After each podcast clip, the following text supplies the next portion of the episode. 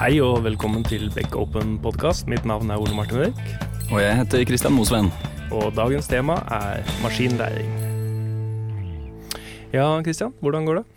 Det går strålende. Jeg gleder meg til å snakke om maskinlæring i dag. Hvordan går det med deg? Jo, veldig bra. Det her er jo et uh, tema som uh, vi hadde når jeg studerte, eller da jeg studerte i 99-ish. Da var det Nevralt nettverk og og hvor det med studenter det var beregna hvilke hester som skulle vinne til avløp og greier. Så det her, det her har nok utvikla seg mye siden da, så det blir spennende å se. Mm. Men har du gjort noe spennende siden sist? Eh, ja, for så vidt. Jeg har, jeg har, vært med å eh, lage en bloggpost som nå ligger på openbeck.no, som handler om helsesjekker og hvordan du sjekker om teamet ditt fungerer bra eller ikke. Ja, nettopp. Og du, Ole Martin? Jeg har jo 50% pappaperm om dagen, så jeg har sett en del video på Vimeo.com Beck, så mm. har Beck lagt ut en del videoer fra forrige fagdag da, som jeg gikk glipp av, men nå har jeg fått henta meg inn igjen. Og anbefaler den kanalen veldig sterkt. Mye bra. Mm. Blant annet så er det en lyntale av Jørgen Braseth som heter 'Fuck regler', ja. som også går litt på team og hvordan det å fjerne reglene kan føre til mer effektive team og utvikle det. Ja, det er jo det er litt sånn samme som Det er en veldig bra bok som heter 'Creativity Inc', mm. som er skrevet av han ene grunnleggeren av Pixar. Og han snakker også om det. Altså de, de, en av deres regler er at de erkjenner at de, eh, at de eh, har ansatt smarte folk. Eh, og at de legger masse hindringer i veien for dem uten å egentlig mene det. Mm. Og at det de må gjøre er å prøve å fjerne de, de hindringene. Men tilbake igjen til uh, maskinlæring. Et eksempel som jeg har uh, lest om maskinlæring, er jo hvis du har en skrivefeil når du søker etter noe i Google, så mm. er jo det basert på maskinlæring. At Google enten søker på det som den er ganske sikker på at du mente å skrive, eller at den spør om var det egentlig det her du mente. Ja, ikke sant. Og jeg fikk jo, når jeg, var, når jeg var nede på jobb i stad og skulle opp hit, så fikk jeg plutselig en pop-up fra kalenderappen på telefonen min som sier det er lite trafikk, du trenger bare fem minutter til å komme deg opp eh, til studio. Kult. Og nå skal vi ha noen gjester som kan fortelle oss enda mer om dette her. Hmm. Da har vi fått eh, besøk i studio av Ingvild Kander. Velkommen. Takk. Hvem er du? Jeg er utvikler i Beck, mm. og har eh, bakgrunn fra anvendt matematikk. Og Kristoffer Dyrkorn, velkommen tilbake. Takk, takk. Hva, hva, har du gjort siden sist? Siden sist så har jeg prøvd å følge litt med på hva som skjer på maskinlæringsfronten. Eh, ved siden av andre ting, jeg jobber jo med prosjekt og sånne ting, og vi driver og snuser litt på analyse av data for prediksjon bl.a. Vi har ikke kommet så langt at vi er der ennå, men vi, kanskje en dag. Og kanskje også Ingvild skal hjelpe oss med det når vi kommer dit. Vi får se. Hmm. Men eh, hva er egentlig maskinlæring, Kristoffer? Ja, eh, maskinlæring tror jeg vi må se på med å starte litt på hva en datamaskin egentlig gjør, eh, og liksom gå tilbake i tid. Det er en gang hmm. sånn det er noe jeg liker å gjøre. da. Jeg begynner å bli grå og få lite hår og sånn, så går man bakover i tid. Jo, eh, en datamaskin kan i utgangspunktet tolke og forstå tall, tenker jeg. Tall er kanskje litt tekst, men i hovedsak tall. Eh, men så er det en gang sånn at jo mer man holder på med de datamaskinene, så man lagrer informasjon på andre måter enn bare som rent tall. F.eks. lange tekstdokumenter eller bilder eller video eller lyd og sånne ting. Og det er noe som en maskin egentlig ikke forstår så mye av. Eh, mm. Så da må man prøve å lære maskiner å forstå den informasjonen. Eh, har du et bilde, så ser en datamaskin bare rød og grønt og blått verdier. Den kan i utgangspunktet ikke se hva det er bilde av. Så maskinlæring brukes for å forstå innholdet i sånne eh, datatyper som ja, video, lyd, bilde eh, og lignende ting. Kan også brukes på mer sånn eh, store mengder tall eller store mengder tekst, men jeg tenker starten handler egentlig om å tolke bilder i veldig stor grad. Mm. Eh, sånn kuriøst eksempel, eh, forstå arabisk håndskrift. Der var det en sånn teknikk som heter nevrale nettverk, som eh, førte til et lite sånn gjennombrudd på den fronten. Så hvis man vil det, så kan man bruke maskinlæring. Eh, og så noen andre sånne eh, sammenhenger hvor man kan bruke den teknikken. Mm. Og det favner liksom litt under paraplyen eh, kunstig intelligens. Men det, det, er ikke, det, er ikke, kunstig intelligens som, liksom, som et helt eh, felt. Nei, uh, der har jeg ikke sånn helt oversikt over skillene, hvor skillene går. Da. Men du kan si det ligger en form for intelligens i det å forstå noe som er utover den datamaskinen egentlig laga for å forstå. Mm. Eh, og i maskinlæring så ligger det også en del teknikker som tar utgangspunkt i at du trener datamaskiner. Så du får en datamaskin til å forstå litt mer enn det den har gjort før, med et sånn øvingsdatasett. Og Da kan du på en måte si at hvis den har lært seg til å forstå verden gjennom et øvingsdatasett, så har den blitt litt klokere. Mm. Men intelligens er kanskje å ta litt hardt i, da. Men det er beslekta temaer, da, det kan man si. Mm. Uh, Ingvild, kjenner du, eller kan du fortelle litt mer om dette med trening eh, av uh, nevrale nettverk og lignende? Ja, for generelt så, så jo, tror jeg veldig mange ser på dette med trening og maskinlæring som en black box. Eh, det er litt mystisk. Man ser man putter noe inn, og så får man noe ut, og så vet man ikke helt hva som skjedde på veien der. Mm. Så selve denne, denne blackboxen består egentlig kun av et, eh, et sett med vektinger. Som mm. enten kan være tall eller funksjoner, som sier noe om at gitt den inputen jeg har, som er mange, mange ulike verdier eller attributter, eh, hvilken sammenheng har disse, og hva mm. sier det meg om hvilken output jeg får.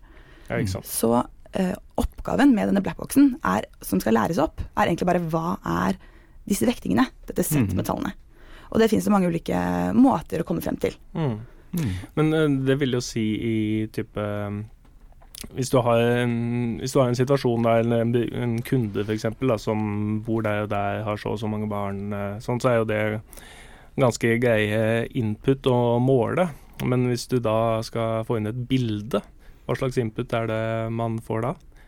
Er det noen som kan svare på det? Da får man gjerne inn en, eh, en matrise eh, med pikselverdi, f.eks., i, i hvert punkt.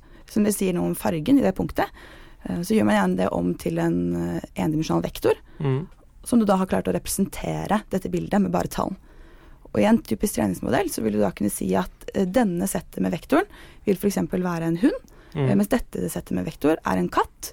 Og har du nok sånn data, så vil til slutt eh, denne treningen forstå og gjenkjenne at dette er karakteristisk for en hund, og dette er karakteristisk for en katt. Ja. Eh, og det vil denne vektmatrisen, eh, eller vektingen, kunne gjenspeile. Mm. Det var eh, en sånn interessant eh, bloggpost som jeg liksom akkurat uh, leste, eller en artikkel i en avis eller noe sånt, også, som, som snakka om liksom, biases, eller altså biaser heter det på norsk? Nei. I hvert fall biases. Og mennesker har masse biases. Du er, liksom, du er fordomsfull mot, liksom, på veldig mange grunnlag, mot veldig mange ting. Men det viste seg også at disse Eh, den vektingen og sånn som du snakker om, i de algoritmene som disse folka her hadde undersøkt, de, de, var jo også fordomsfulle. fordi hvis de eh, først på et eller annet tidspunkt fant ut at eh, liksom, eksempel det var et eksempel på en jobbsøkalgoritme eller noe sånt, eller som skulle evaluere jobbsøknader. Og hvis, hvis de fant noen liksom, sammenheng mellom at Eh, eh, det var dårlig score på damer, f.eks., eller på, eller på, på, kjønn, eller på alder, eller på eh, etnisitet. Så begynte en etter hvert å, liksom, å diskriminere basert på de tingene også. Som egentlig var liksom bare den vektingen som, som, du var inne på. Mm. Og Det er det som er litt fascinerende, at den, kan, den, kartlegger de sammenhengene som man ikke nødvendigvis trenger å gjøre seg opp en mening selv. Han bare finner eh, et mønster i et sett med data. Og, da, og samtidig åpen for fordommer. Mm. Så Da får du nesten et etisk problem som utvikler dette her også, Kristoffer. At du må En datamaskin har ikke noe særlig etikk og moral. Nei, og som vi ser det, så er den jo i veldig stor grad en maskin som gjentar eller foredler det den får av input. Mm. Så her kan vi jo se litt, hvis man snakker om en sånn treningssett med data, eller et tekst som skal trekke informasjon ut ifra, så så er jo den hele tida avhengig av hva slags input den får, og hvordan den selv greier å se sammenhenger i det. Ja, det er en matolatisk formel, men det å, i det tilfellet med supervised learning, så har du hele tida en gitt input som du øver på, mm. skal gi en gitt output. Så det er det du øver med, og så kommer det nye data inn som så hvor maskinlæringa gir deg en output. Men det er hele tiden basert på en eller annen kontekst, på en mm. eller annen input. I hvert fall den type eh, maskinlæring, da. Eh, hvis du ser på unsupervised learning så det på, handler det mer om å bruke direkte algoritmer til å gjøre ting. Og da kan du kanskje i større grad heller gjøre eh, kategorisering eller klassifikasjon. At en sånn ting som det her ligner på den tingen her. Du sier ikke så mye om hva den tingen er for noe. Du bare sier at det ligner på noe annet. Og Da har du kanskje en bedre mulighet for å være mer objektiv. da. Mm. Men eh, er det type K-mean og collaborative filtering og den type algoritmer? Ja. Går det inn under maskinlæringsfag også? Ja, det gjør det. Og det er liksom en sånn grein av det området som også har vært en stund. Eh, Mm. kan man si, altså, sånn K-means clustering. Er clustering er akkurat det. Du tar masse data og prøver å finne ut hvilke grupper eh, inngår i det datasettet her. Og finne de gruppene på en presis måte. Da. Mm. Eh, og det, dette er også litt av utgangspunktet for søkemotorer, som jo liksom har eh, eksistert en stund. Det de egentlig gjør, er en form for en supervised learning, hvor når du skriver inn søkeord, så er det på en måte et dokument som du angir. Og så prøver søkemotoren å finne andre dokumenter som ligner på det dokumentet du putta inn. Mm. Det er liksom den klassiske måten å lage en søkemotor på. Så egentlig så er det å finne noe som er likt, noe som allerede er putta inn i systemet. Og da er du egentlig tilbake igjen til clustering eller kategorisering. Finn noe som ligner. Mm. Ja, og Kristoffer, eh, du er liksom litt inne på her at det her er jo eh, et gammelt felt, egentlig. Mm. Det er jo, maskinlæring har jo liksom eksistert eh, kjempelenge. Hva er det som gjør at det plutselig er liksom blitt veldig populært akkurat nå, siste året? Ja, um, litt av grunnen tror jeg har med å gjøre at uh, man har hele tiden vært på jakt etter litt bedre metoder. Altså Man skal prøve det her, man skal prøve det her. Og så har det dukka opp konkurranser uh, hvor man tar utgangspunkt i datasett, og så skal man gjøre klassifisering av det. Der er det én sånn konkurranse hvor uh, nesten si at det var et slags gjennombrudd for nevrale nettverk. Eh, Jeg lurer på om det var i 2012 eller noe sånt. ImageNet, tror jeg det heter. Jeg er ikke helt brennsikker nå. Men der i hvert fall var det et, eh, en løsningsmåte eh, som tok rotta på de andre, og som forbedra liksom, toppscoren ganske, ganske mye. Og Da tror jeg at det var en del som oppdaga at jøss, det her er en veldig spennende teknikk som du kan liksom komme et godt stykke lenger enn eh, hva du har gjort før. Og Litt av grunnen til at den teknikken ble brukt i det vinnerinnslaget ja, 2012, eller hva det nå, var at de som laga det, de programmerte grafikkprosessoren på Mhm. maskinene de brukte. Mm. Og den har en helt enorm regnekraft som er mye mye bedre enn den der vanlige CPU-en vi har. Mm. Sånn at man plutselig utnytta mye kraftigere regnemaskiner ja, Mm. eh, til å faktisk få presisjon opp. Ja. Uh, og da har det liksom balla på seg, fordi da er en bestemt teknikk. altså Det er ofte deep learning, tror jeg det kalles. Jeg tror det handler mer om at du har nevrale nettverk som er i, i kjeder, i veldig lange ledd, eller mange sånne trinn oppå hverandre. Som Mm. før var litt sånn vanskelig å oppnå Mm. men som nå er faktisk mulig å bruke. Så regnekraft er en faktor.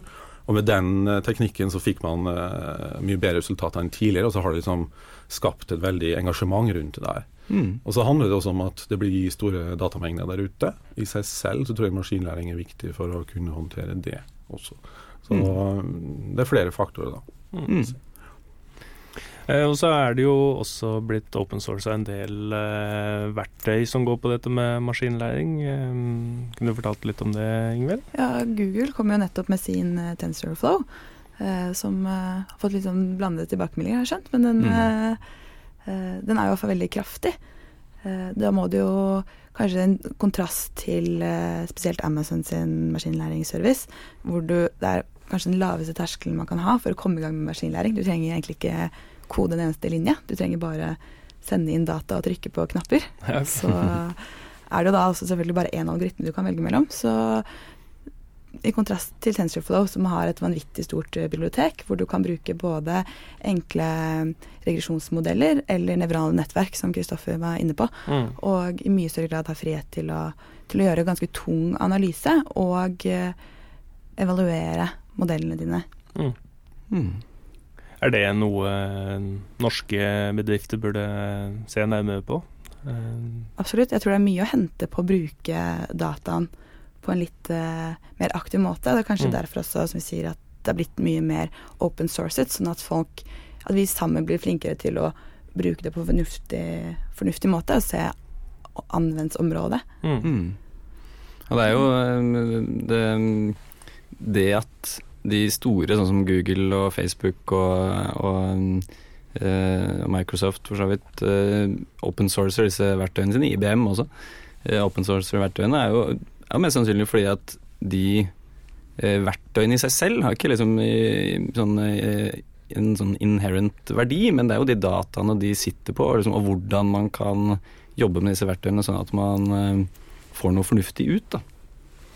Ja, det jeg tror er jo at for deres del, de som har laga de tingene der, Eh, så er det veldig ufarlig eh, å gi fra seg kildekoden, nettopp fordi de har masse data. Og data mm. er veldig sentralt i det å få gode resultater her, fordi du må trene, i hvert fall i de supervised learning-anvendelsene. Eh, mm.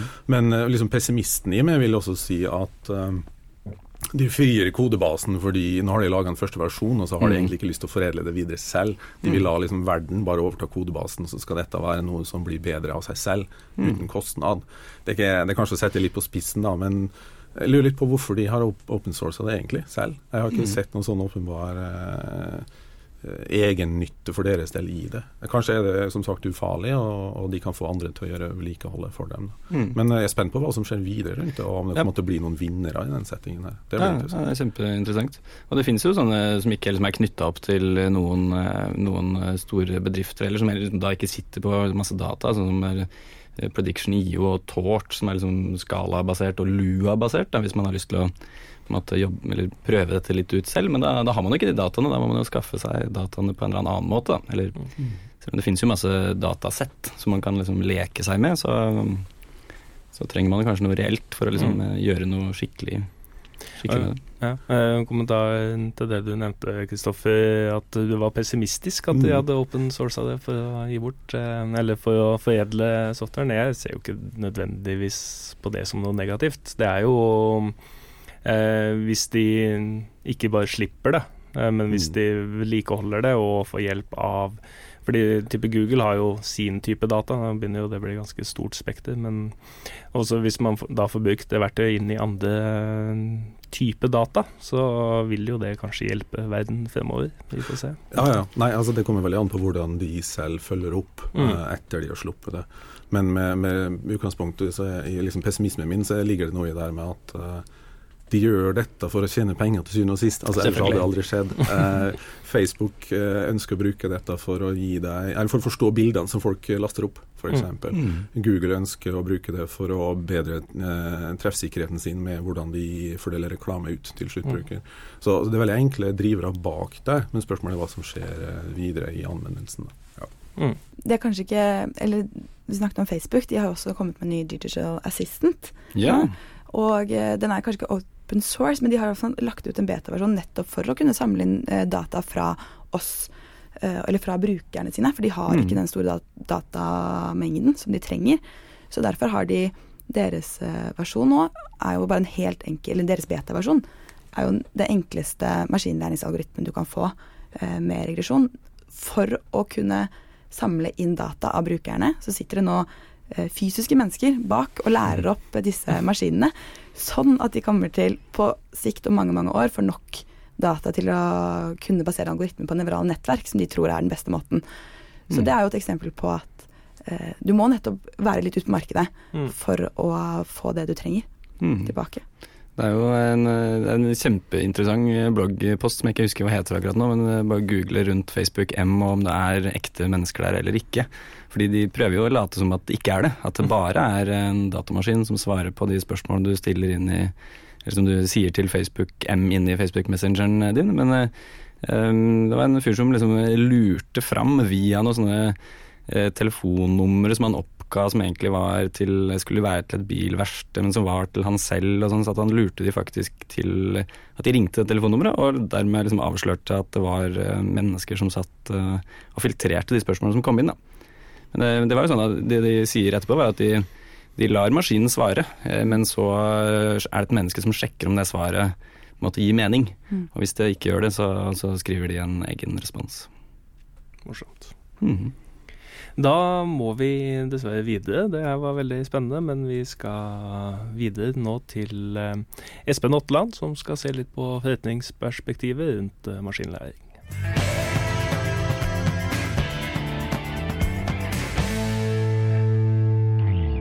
Ja, hei Espen. Hvem er du? Hei.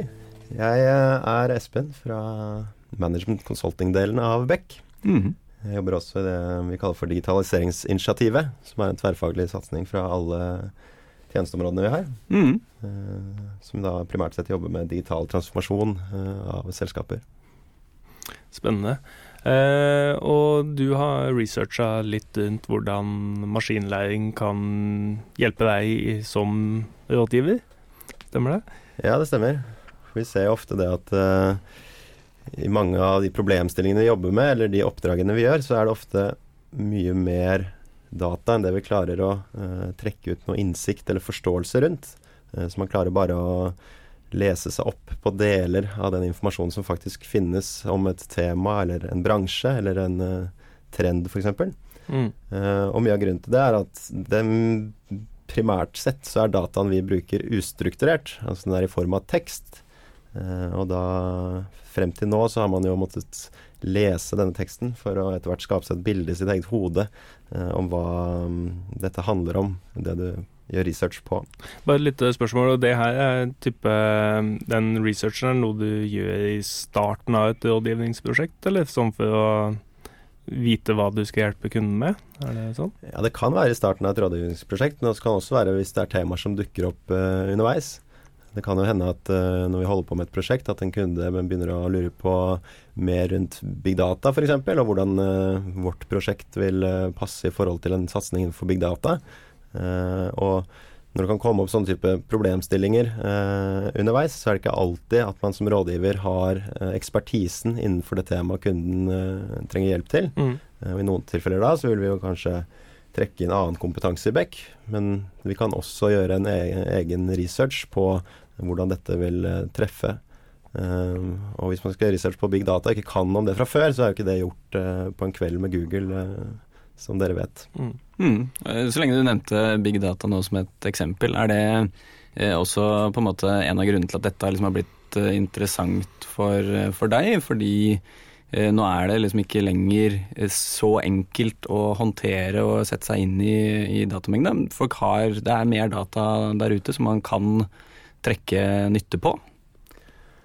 Ja, absolutt. Eh, Jeg vil ikke si hvor grensen mellom data og big data går, men jeg vet hvert fall at som rådgivere så har vi veldig mye mer data tilgjengelig enn det vi klarer å Mm. prosessere. Mm. Eh, og vi kan være flinke til å råde kundene våre om hvordan de burde bruke eh, big data i sin virksomhet, Mm. men i konsulentbransjen så bruker vi ikke like aktivt big data til å hjelpe våre kunder igjen, uh, i den grad som forhåpentligvis nå blir mulig fremover uh, med maskinlæring. Mm.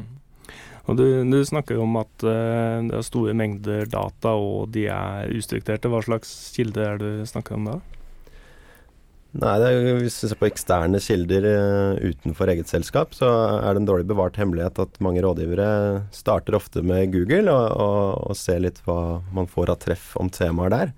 Men det kan også være andre ting. Eh, Jeg bruker mye Gartner og Forrester, ser på research og rapporter de eh, har. Man kan finne videoer om ulike temaer på YouTube. Man Mm. kan se hva som skrives i sosiale medier. På Twitter er det mye bra som deles. Man kan også følge med på media og hva som skrives i avisene. Og det er også mulig å følge med på hvordan andre selskaper eh, snakker om temaer, eh, og hva de fokuserer på. Mm. Men alt det her er jo da ofte tekst, og det er mm. rapporter og PDF-er som man benytter. Mm. og det krever at man gjør en manuell jobb for å prosessere den, i hvert fall hittil og frem til nå. Mm. Mm. Eh, Så det er der man ser et potensial, da, å effektivisere den jobben. Hvis man kunne fått uh, maskiner til å i hvert fall gjøre innsamlingen og bearbeidingen av dataen for oss, Mm. og gjerne organiseringen og struktureringen av den, så kan vi eh, mennesker gjøre det vi er aller best på, som er å virkelig forstå hva den dataen og innsikten kan brukes til. Mm. Til å enten råde kundene våre, eller hvis man er en bedrift, eh, se hvordan det vil påvirke egen eh, sjappe. Mm. Og der har du sett på et verktøy som heter Quid, har jeg forstått, som kan bidra på dette? Ja, det er et litt spennende selskap i eh, San Francisco som heter Quid. De har holdt på i noen år. Eh, De snakker veldig mye om algoritmer og maskinlæring i sin eh, plattform. Det de har spesialisert seg på, er å bruke da maskinlæring og algoritmer til å lære på samme måten som et menneske gjør, men da med fokus på tekst. Så de har et veldig stort sett med kilder av data, som jeg kan komme inn på senere. Som de da trekker eh, essensen ut ifra, og begynner å visualisere for brukeren hva det man søker etter, faktisk handler om. Uh, trekke tilbake en big data-eksempelet. Hvis man hadde søkt opp hva big data er med denne plattformen, så vil man uh, etter få minutter få opp en uh, visualisering av eh, mange hundre tusen kilder om hva det skrives om på nett rundt big data. Mm. Så ser du hvilke delområder av big data som kanskje er viktig, du ser eh, hvordan ting henger sammen med hverandre, med hverandre i noder. Mm.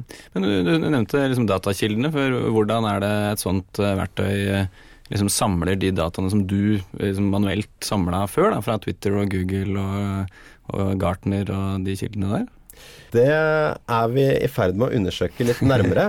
Ja. Fordi de har ikke De snakker ikke for mye om hvordan de samler den dataen. Men vi Mm. vet at de trekker bl.a. en hel rekke internasjonale mediehus. Og alle artiklene som de eh, legger ut. Og her ser de forskjellen på hva overskriften er, hva innholdet er i artikkelen. Da kommer vi inn på eh, det de kaller for natural language processing. De Mm. trekker ut hovedessensen i artikkelen. Eh, De følger også med på hvem som har skrevet den, når det kom ut. eh, Og da selvfølgelig hvem, eh, hvem selskapet som har publisert det er. Mm. Og ved hjelp av dette så kan de begynne å sette sammen mønstre på hva det skrives om innenfor ulike temaer. Så en av de viktige kildene til denne programvaren er da Jeg tror de har sagt at de får inn over 1,4 millioner nye artikler hver dag. Mm. Og hvis du da er på jakt etter informasjon og big data, hva man i artikkelverden eller medieverden snakker om der, så er den da syntetisert og aggregert opp informasjon fra alle disse artiklene, eh, som da videre kan visualisere for brukeren eh, i det grensesnittet de har. Så er det kanskje vekta litt avhengig av hvilken journalist som har skrevet det, hvilket mediehus som har gitt ut det. Noen er mer viktige enn andre og lignende, eller? Jeg må innrømme at jeg er litt usikker på om de vekter, men Mm. du kan følge med på hvilke mediehus som skriver mye om et tema. Ja, Eh, en annen kilde de har, er jo hva mm, bedrifter snakker om og har på sine nettsider. Så jeg kan også følge med på eh, hvilke selskaper i verden er som snakker mest om eh, big data, f.eks. Mm. En ting er jo hva rådgiver og måte, profesjonelle research eh, bruker, men hva med norske bedrifter? Kunne, kunne de hatt nytte av noe sånt noe verktøy? Nei, en styrke for La meg begynne med bedrifter eh, først. En styrke for dem eh, kan være at man kan eh, følge med på hva som sies om selskapet ditt, enten i sosiale medier eller i media. Eh, her kan eh, dette programmet, en quid, kan eh, gjøre det de kaller for en sentimentanalyse, hvor de basert på kildene ser hva som skrives, om det er positivt eller negativt, og eventuelt hva som er positivt eller negativt. Så bedrifter kan da følge med på hvordan de selv presterer, i lys av de andre aktørene i sin bransje. Mm. Utfordringen her er at det denne programvaren er basert på, eh, så er det optimalisert for engelsk språk, og det har noe med Mm. hvordan eh, algoritmene for eh, altså tekstforståelsen er laget. Og den er ganske annerledes for engelsk og for norsk, fordi eh, språkene er bygget opp annerledes. Eh, Så på engelsk kan man for veldig, for, veldig enkelt forstå at Internet of Things er et konsept, og ikke et sett med internett og ting. Eh, Mm. Men at det er et, egentlig et ord i seg selv. Mm. Men hadde du begynt å snakke om det på norsk, så ville ikke programvaren forstått det på samme måte. Så for norske bedrifter, så langt, så har nok ikke denne programvaren verken kildene eller muligheten til å forstå i hvert fall de norske potensielle kildene til å følge med på hva som snakkes om Mm. eh, rundt de. Mm. Men, det, men vi kan jo begynne å bruke det, Ole Martin, til å finne ut hva, hva det internasjonale markedet syns om uh, Backupen-podkasten. Ja, ikke sant? Det, det er jeg veldig spent på. Mm. Jeg så forresten vi hadde fått eh, tre tekstlige reviews i iTunes nå, så nå tar det snart helt av. Det er bra. Men Kan du bare, kan du bare legge til en annen tilbyder også, som ganske er Det er fint, fordi det er jo greit å nevne at vi har ikke noe kobling til Quid, og vi har ikke kjøpt de engang, så Vi har verken kobling eh, Eller vi har en kobling, vi har sendt mail med det, vi har Ja. ikke kjøpt noe fra det enda. Nei. Eh, men vi er veldig interessert i å, å teste det. Det har en ganske høy prislapp. Men det finnes også noe annet som heter Quill, som eh, gjør noe tilsvarende, men ikke det samme. De mener at de kan ta også tusenvis av eh, artikler eller rapporter, hva det måtte være, og da klare å skrive sammendrag av ønsket lengde helt perfekt tilbake igjen til brukeren. Så den programvaren kunne man kanskje da brukt til å, å sammenstille automatisk eh, alle de tilbakemeldingene vi har fått om uh, Beck-podkast. ja, det hørtes jo eh, litt snake-oilet ut, akkurat det siste her, men det kan jo hende at det funker. Jeg må være jeg syns begge deler virker veldig lovende og sier noe om fremtiden, om hvordan det kan bli. Men vi ønsker jo å teste det der ut for å se om det faktisk er så bra som de selv sier. Mm. Eh, for vi er litt skeptiske enn så lenge i hvor langt de faktisk har kommet. Mm. mm. Det er spennende å se hvordan det blir fremover. Ja. tusen takk for at du kom hit, eh, Espen. Det var hyggelig å være her.